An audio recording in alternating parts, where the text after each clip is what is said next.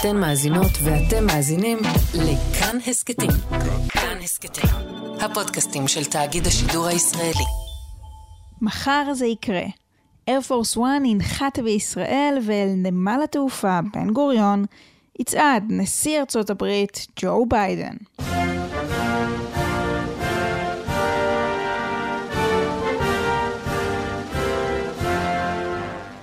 ההכנות בישראל נמשכות חודשים, אבל באמת, חודשים. הביקור הרי נדחה, והאמריקנים, שלא כהרגלם, פשוט לא סגורים על עצמם מבחינת הלוז של הנשיא ביידן. זה לא רק החום ומזג האוויר המזרח תיכוני או הקורונה שנמצאת שוב בעלייה, זה גם גילו של הנשיא ביידן שממעט לטוס מעבר לים. אבל בכל זאת, צפויה לו קבלת פנים חמימה משהו, הבנתם מה עשיתי פה, כן? גם בישראל וגם בסעודיה.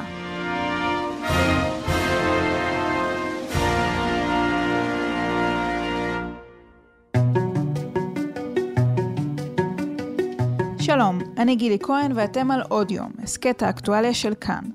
והבוקר נרצה להרחיב קצת יותר על ביקור הנשיא ביידן כאן בישראל. מה בדיוק נמצא על הפרק, איך כל זה קשור למלחמת רוסיה ואוקראינה, ספוילר, it's the economy stupid, מה ישראל רוצה לקדם, והאם יש סיכוי לראות פה הסכמי אברהם 2.0. יהיו איתנו מנכ"ל משרד החוץ, אלון אושפיז, ונתן גוטמן, האיש שלנו בוושינגטון, ינסה להסביר על הלך הרוח של הממשל האמריקני לקראת הביקור. שלום נתן. שלום גילי. אז בוא ניגש ישר לתכלס. מה ביידן רוצה להשיג בביקור הזה?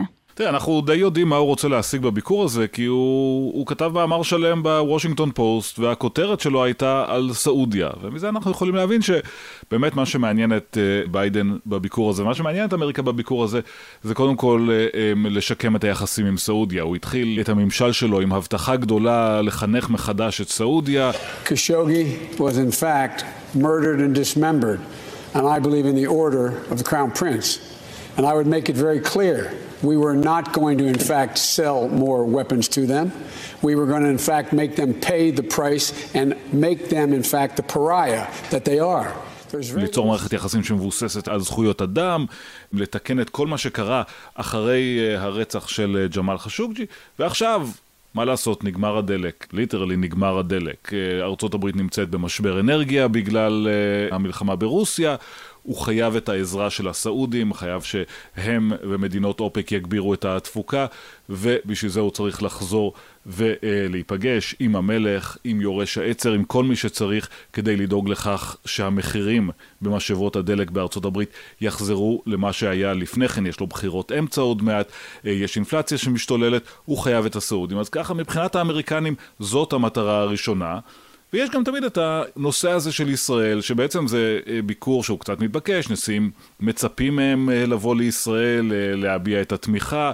הטיימינג השתנה כל הזמן, הייתה איזושהי הערכה בהתחלה שהביקור הזה יהיה איכשהו קשור לניסיון הזה לרכך את ישראל לקראת הסכם גרעין עם איראן, אבל אין הסכם גרעין עם איראן עכשיו, יש בינתיים בחירות בישראל. זה יותר ביקור תחזוקה הפך להיות, של תחזוקה של מערכת היחסים, יותר מאשר איזשהו עניין אחר.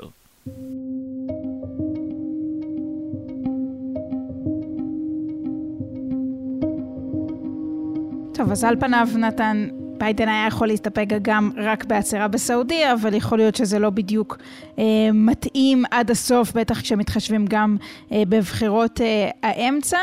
בוא בכל זאת ננסה לחשוב ביחד, שנינו מכירים היטב את הזירה הזו, מה ישראל רוצה מהמהלך הזה? מה ישראל רוצה להשיג מהביקור של הנשיא האמריקני כאן?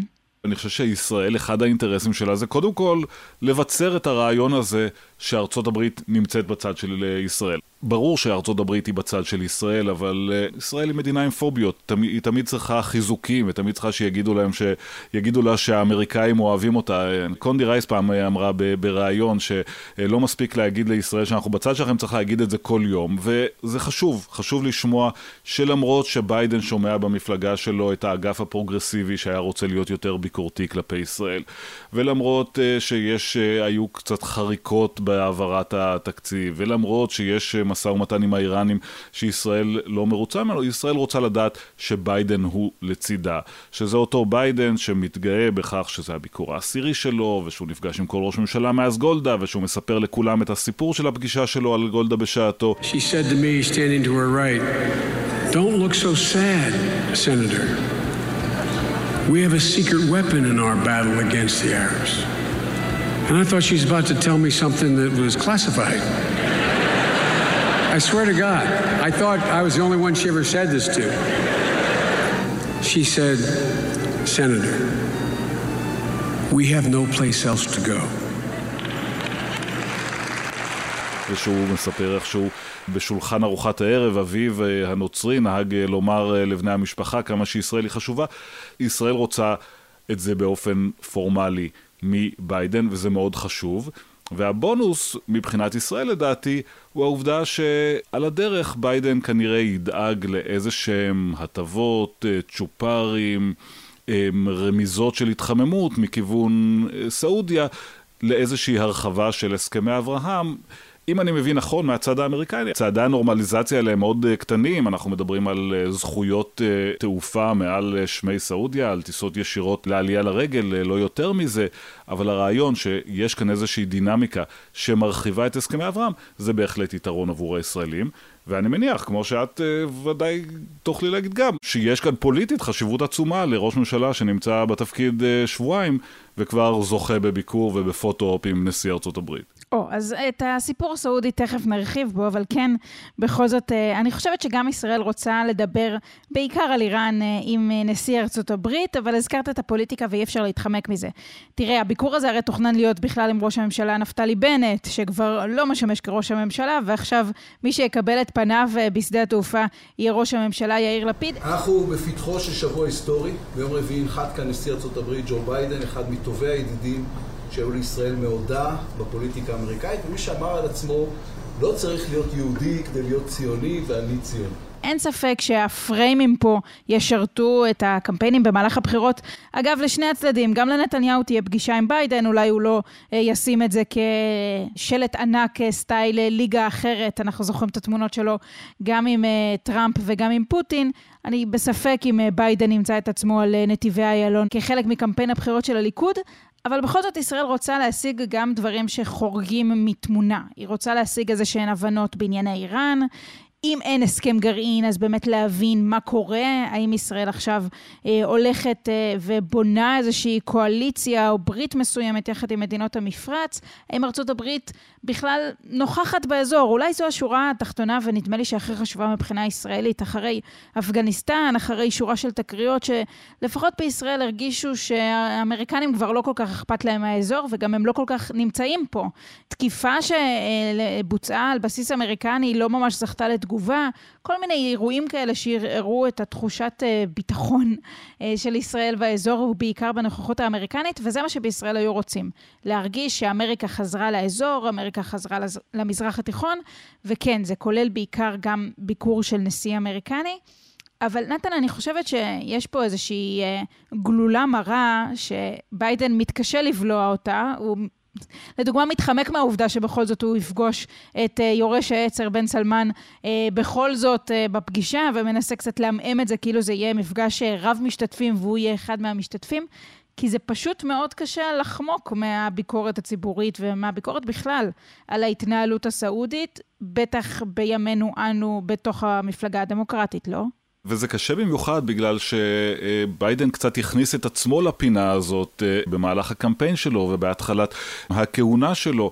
הוא בעצם הציג את אה, אה, סעודיה כמדינה פורעת חוק, והדוחות של המודיעין האמריקני הצביעו על יורש העצר MBS, מוחמד בן סלמן, כאיש שעומד מאחורי רצח אכזרי ומתועב של עיתונאי מבקר המשטר.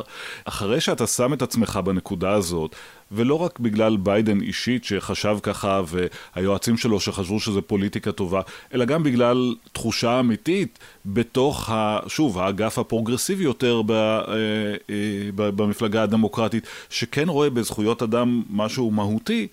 עכשיו הוא נאלץ להתקפל ולהיכנע לריאל פוליטיק, וזה מסביר את ההתפתלות הזאת שהוא עשה במאמר הארוך שלו בוושינגטון פוסט אה, שהתפרסם היום, של להסביר איך הוא מגיע לנקודה הזאת, להמשיך לטעון שלמרות הביקור ולמרות ההתחממות ביחסים, ארה"ב לא נסוגה מהרעיון הזה של אה, קידום אה, זכויות אדם באזור. אבל בסופו של דבר אין לו הרבה ברירה, הוא צריך לדעת, ואגב, לא רק לענייני דלק שהם כמובן, אה, של נפט, הם כמובן הכי חשובים, גם uh, השקט הזה היחסי שארצות הברית רוצה לשמור בתימן, סעודיה היא כמובן המרכיב המרכזי במשוואה הזאת, וגם הצורך הזה לרצות קצת את ישראל uh, ולהראות לישראל שיש התקדמות בהסכמי אברהם, גם כאן סעודיה היא אבן uh, חשובה בתהליך הזה. כך שאין לו ברירה, הוא צריך לעשות את זה. הוא לא ישלם מחיר פוליטי עצום, אני חושב, בגלל זה, כי כן, אגף זכויות האדם במפלגה הדמוקרטית כבר ממילא חושד בביידן שהוא לא תמיד נמצא בצד אה, שלהם, כך שזה לא יהיה מחיר כבד מדי מהבחינה הזאת. ומצד שני, אם הוא כן יצליח לקראת נובמבר קצת לאזן את uh, מצב הדלק בארצות הברית, זה יהיה שווה לו את, ה, את הזחילה הזאת, את ההתקפלות הזאת מול הסעודים. ובמידה מסוימת ישראל פה היא ההכשר למהלך הזה, כי הנימוק, גם אה, כפי שציינת במאמר שלו בוושינגטון פוסט, הנימוק הוא שהנה תהיה איזושהי התקרבות בין ישראל לבין העולם הערבי, התקרבות נוספת בין ישראל לבין סעודיה, מאפשרת, אה, אפשר נאמר, לקבל את המהלך הזה, את החיבוק הזה, גם אם הוא נעשה שלא אה, ברצון מלא, את החיבוק הזה לסעודים. אגב, בוא נזכר, נתן, בהתחלה, אה, ממשל ביידן, לפחות בהתחלה, לא כל כך אה, חיבק את אה, הסכמי אברהם, נמנע לקרוא להם בשמם. היה איזושהי תחושה כאילו עשו פה תהליך חשיבה עמוק, נקרא לזה כך, בקבלה של המהלך הזה. עכשיו כבר ממש אפשר לראות שהאמריקנים אומרים בפה מלא שהם רוצים לראות את הרחבת הסכמי השלום והנורמליזציה, את הרחבת הסכמי אברהם. ודווקא בישראל, במידה מסוימת, קצת מנסים להרגיע בימים האחרונים. בכירים ישראלים מגדירים את ההתקרבות לסעודיה כמשהו שיהיה כ baby steps, כצעדי תינוק, ולא כהסכמי אברהם 2.0, אם תרצה, לא הרחבה ממשית של המהלך הזה, גם מתוך הבנה שהסיפור הסעודי הרבה יותר מורכב, גם בגלל הסוגיה הפלסטינית שתכף ניגע בה גם אנחנו, ואני חושבת גם כדי לא יותר מדי אה, לגרום לתחושה בציבור, כאילו תכף יקרה פה איזשהו משהו ענק. אני חושבת גם בגלל שהפרס המרכזי שאמור ממשל ביידן להביא עמו אה, במסגרת הביקור הזה, זה הבנה ש... והסכמה שמטוסים ישראלים יוכלו לטוס מעל שמי סעודיה, גם אם הם לא נוחתים באמירויות או בבחריין. ובתכלס זה משהו שהובטח עוד אה, במהלך הסכמי אברהם. אני זוכרת שבכיר ישראלי אמר לי שג'ארד קושנר עד יומו האחרון בבית הלבן ניסה לגרום לזה לקרות, וזה לא קרה. אז גם ה... ההבנות והצעדי התחממות שאנחנו נראה בשבוע הקרוב, גם הם בסוף לא הסכמי אברהם חדשים, הדרך עוד ארוכה.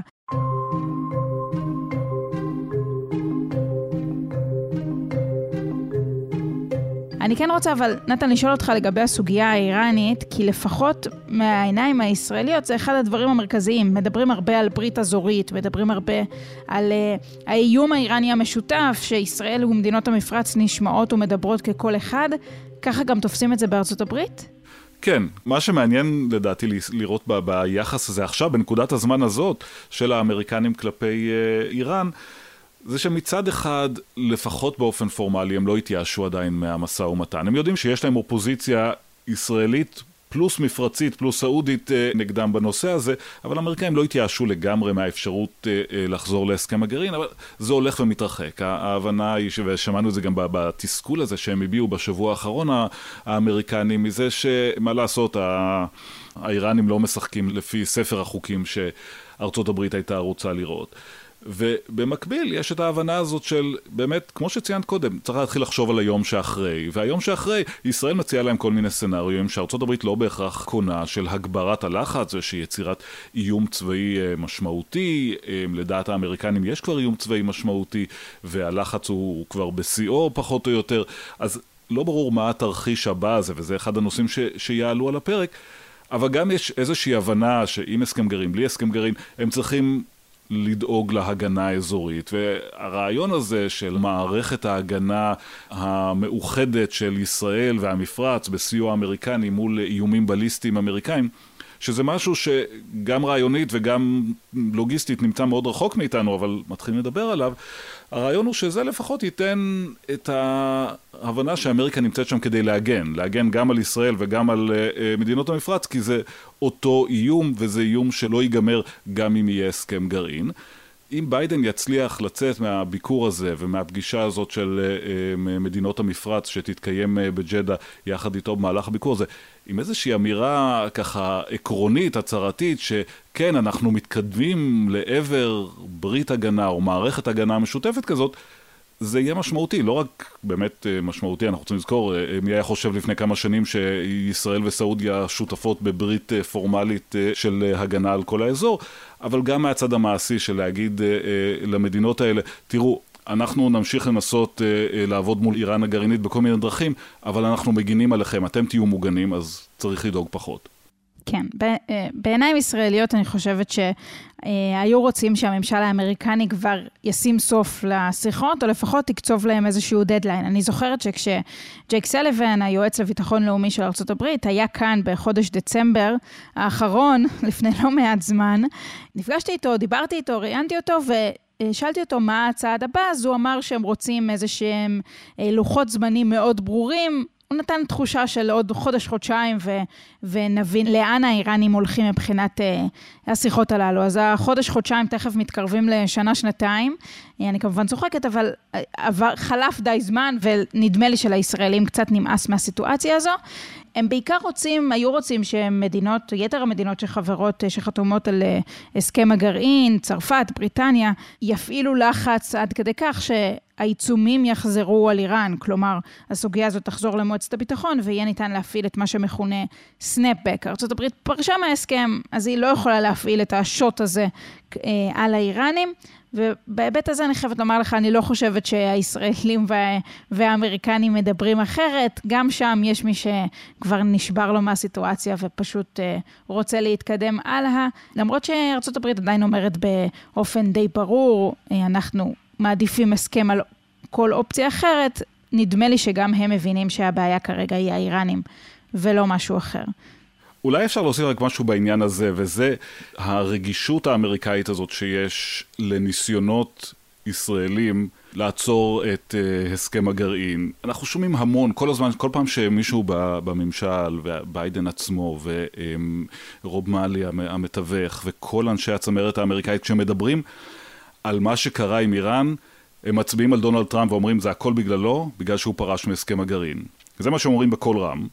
מה שהם חושבים בלב זה שביבי נתניהו דחף אותו לעשות את זה.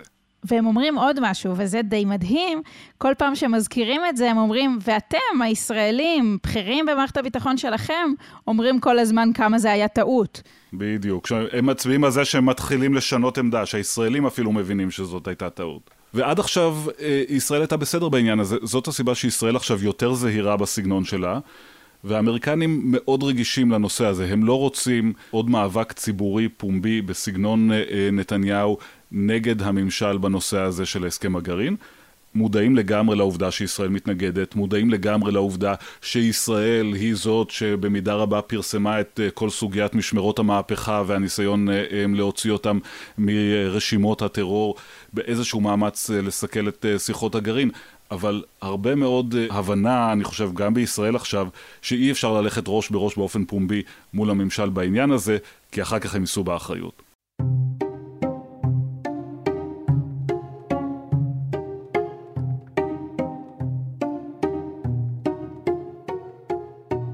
נניח שמביקור אובמה בישראל נזכור את התמונה של אובמה ונתניהו צועדים יד ביד בנתב"ג והז'קט מונח כאילו בנונשלנט על הכתפיים. אה, נדמה לי שמביקורו של טראמפ נזכור אולי את התמונה בכותל. האם מביקורו של ביידן נזכור את הביקור שלו במזרח ירושלים? זה אמור להיות הפריים הזה?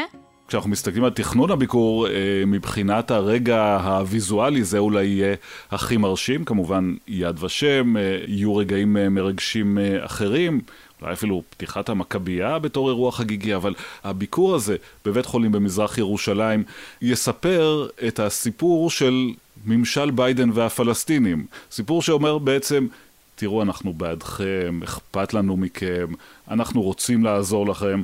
אבל הכל במישור ההומניטרי-כלכלי, אנחנו ניתן לכם כסף לבתי חולים, אנחנו נעזור לכם, כל מה שאפשר, רק בלי להזכיר את המילה תהליך מדיני. ולכן, עצם העובדה הזאת שהנשיא האמריקני יוצא מחדרי הפגישות הממוזגים והולך לבקר בבית חולים, יש בזה מסר סימבולי, וסימבולי בדיוק במידה שהממשל הזה רוצה שהוא יהיה. כלומר, תראו, אנחנו איתכם, אנחנו איתכם כל הזמן, אתם זוכרים את ה... הנה, העברנו לכם 500 מיליון אה, דולר שהממשל הקודם עצר, אנחנו ניתן לכם עוד, נכריז על עוד סיוע, יש סיוע מיוחד לבתי חולים אה, אה, ולעזרה הומניטרית. כל הדברים האלה שאתם רוצים, אתם תקבלו. אולי כל מיני הסכמים כלכליים ונפתור את בעיית הסלולר בגדה וכל הדברים האלה, אבל כל עוד אתם לא מזכירים את המילה תהליך שלום, נסיגה, כל הדברים האלה. טוב, לסיכום, נתן, כמי שצפה, סיקר ביקורים נשיאותיים לאורך אה, השנים האחרונות, איזה הכי אהבת ולמה אתה מצפה במיוחד בביקור הזה?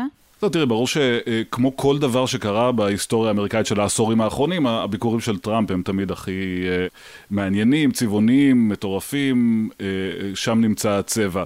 אני חושב שיהיה קשה להתחרות בזה. אני חושב שכשראינו את אובמה בארץ, זה תמיד היה מפגן משובח ומתוכנן של מדיניות פלוס רגש מאיש שבאמת יודע לשאת נאומים, ובין אם זה אה, באירועים עצובים או שמחים, הוא תמיד היה שם כדי אה, לעשות את זה, כמובן בהלוויה של שמעון פרס גם. אם הולכים מאוד אחורה, אז ברור שאף אחד לא יתחרה בביקורים הדחופים יחסית של ביל קלינטון, וכמובן בהשתתפות שלו בהלווייתו של רבין, אבל אה, אצל ביידן אני חושב, אם אנחנו מסתכלים גם על האירועים האחרים שהוא, הבינלאומיים שהוא היה בהם בחודשים האחרונים, אצל ביידן זה יהיה אחרת. קודם כל, ההתנהלות של ביידן היא יותר איטית, גם בגלל הגיל וגם בגלל הסגנון. הכל יהיה קצת יותר בסלואו מושן ממה שאנחנו רגילים אולי מביקורים אחרים. והוא גם אה, לא שנוטה לעבר הדרמה, אז אה, אפשר לצפות לביקור סולידי. אני חושב שאולי אה, אחרי שיעבור השבוע הסוער הזה, נוכל להגיד שזה היה ביקור שעבר בשקט, ביקור סולידי.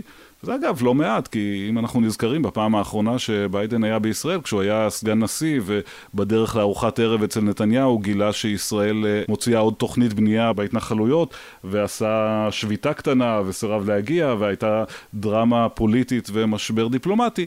עכשיו אפשר לצפות שזה יהיה פשוט ביקור חגיגי, שקט, מאופק, כל צד יקבל את ה photo-op שלו ונוסעים הביתה.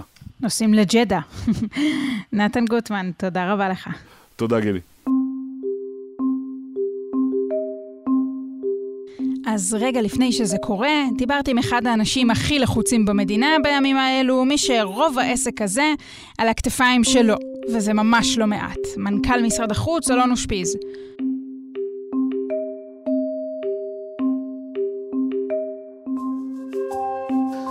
אני חושב שיש דברים שאני יכול להגיד בוודאות שנראה. הראשון זה ידידות ושותפות אסטרטגית גם של ארצות הברית, אבל מאוד של הנשיא עצמו. הנשיא, אני מכיר אותו הרבה שנים, עוד מימיו כסנטור, הוא תמיד אומר, אני ציוני. הדבר השני שאני חושב שנראה זה אה, חבילה מאוד מרשימה של מה ש... כל הדברים שעשינו עד היום עם ארצות הברית, ודברים נוספים שהם צופים פני עתיד. והדבר השלישי שאני בטוח שנראה זה עליית מדרגה מאוד משמעותית בכל העולם האזורי, שאנחנו מתעסקים בו כבר שנתיים, בתנופה מאוד גדולה בשנה האחרונה. ואני חושב שהטיסה מירושלים לסעודיה היא תהיה חלק מזה, אבל זה לא יהיה החלק היחיד. הנשיא טראמפ הרי, כשהוא הגיע ב-2017, הוא טס ישיר מסעודיה לישראל. מה נראה עכשיו? אני חושב שנראה תוצאה של מאמצים של חודשים ארוכים אה, של הממשלה הזאת, של ראש הממשלה לפיד עצמו. אה, כדי לקחת את היחסים בינינו לבין האזור למדרגה יותר גבוהה. זה יבוא לידי ביטוי גם בשיתופי פעולה מעשיים. אני זוכר שהיית בפסגת הנגב בשדה בוקר, לפני שבועיים היינו במנאמה ונתנו לזה עטיפה של אה, איך עובדים באמת בנושאים האלה. ואני מאוד מקווה שביומיים הקרובים אנחנו אה, נוכל לסגור אלמנטים נוספים שיחזקו את הקשר שלנו עם האזור, ואני מאוד מקווה שסעודיה תהיה בצעדי תינוק, מה שהאמריקאים אה, קוראים, חלק מהדבר הזה. אפשרות של שיתוף פעולה ביטחוני רשמי וגלוי בין ישראל ובין סעודיה, זה משהו שנראה מעתה ואילך? אני לא חושב ש, שזה בריא ונבון ומועיל להת, להתייחס בצורה כזאת לנושאי ביטחון. אני כן חושב שכולנו צריכים להבין שהיחסים בינינו ובין השותפים האזוריים שלנו, וזה לא רק השכנים המיידיים שלנו, אה, מקבלים מימד שהוא מימד של שיתוף פעולה אזרחי בנושאי בריאות, חקלאות, מים, אנרגיה, אבל יש לזה גם מימד של יציבות אזורית, ואני חושב שאנחנו מתקדמים אה, בצורה בריאה ונכונה.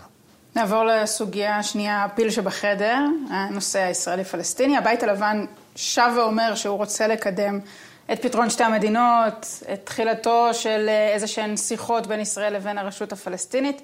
זה הולך לעלות בביקור? אני חושב שאני צריך לחלוק בצורה הכי ברורה את ההנחיות שראש הממשלה לפיד אה, נותן לי ולאנשים האחרים אה, בסוכנויות, במשרדים האחרים.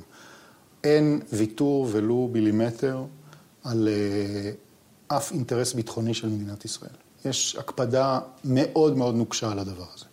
הדבר השני הוא שיש הנחיה, ואנחנו מיישמים אותה מזה חודשים ארוכים, שאנחנו, שאנחנו, מדינת ישראל, צריכה לעשות כל מה שאפשר כדי לאפשר אה, רווחה כלכלית, שגשוג כלכלי וחיי יום-יום נוחים לפלסטינים. אני חושב שמה שנראה בביקור הזה, ואנחנו עדיין עובדים על זה, זה דברים בתוך העולם הכלכלי, ואני בטוח לחלוטין שאנחנו לא נראה שום דבר שמסכן ולו בנימה, ולו כזית, שום דבר שהוא ביטחוני שקשור לישראל.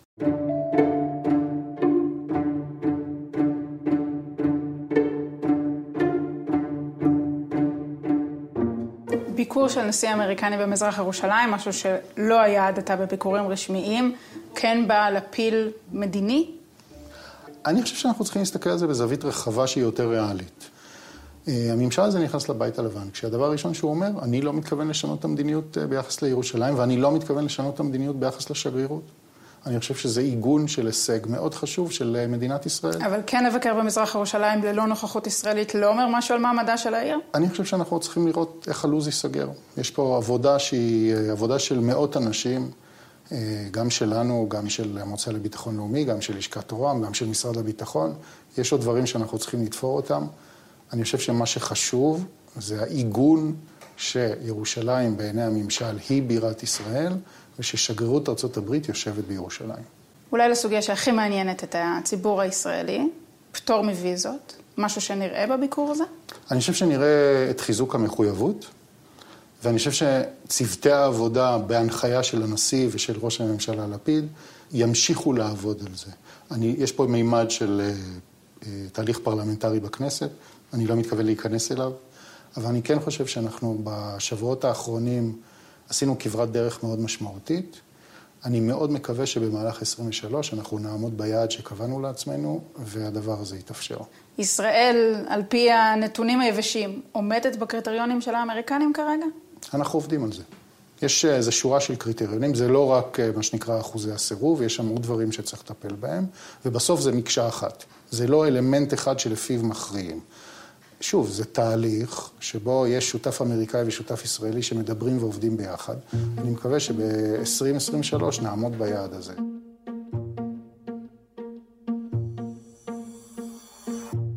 האזנתם לפרק של עוד יום, העורך הוא דניאל אופיר, עיצוב קול ומיקס נועם ברלכיס.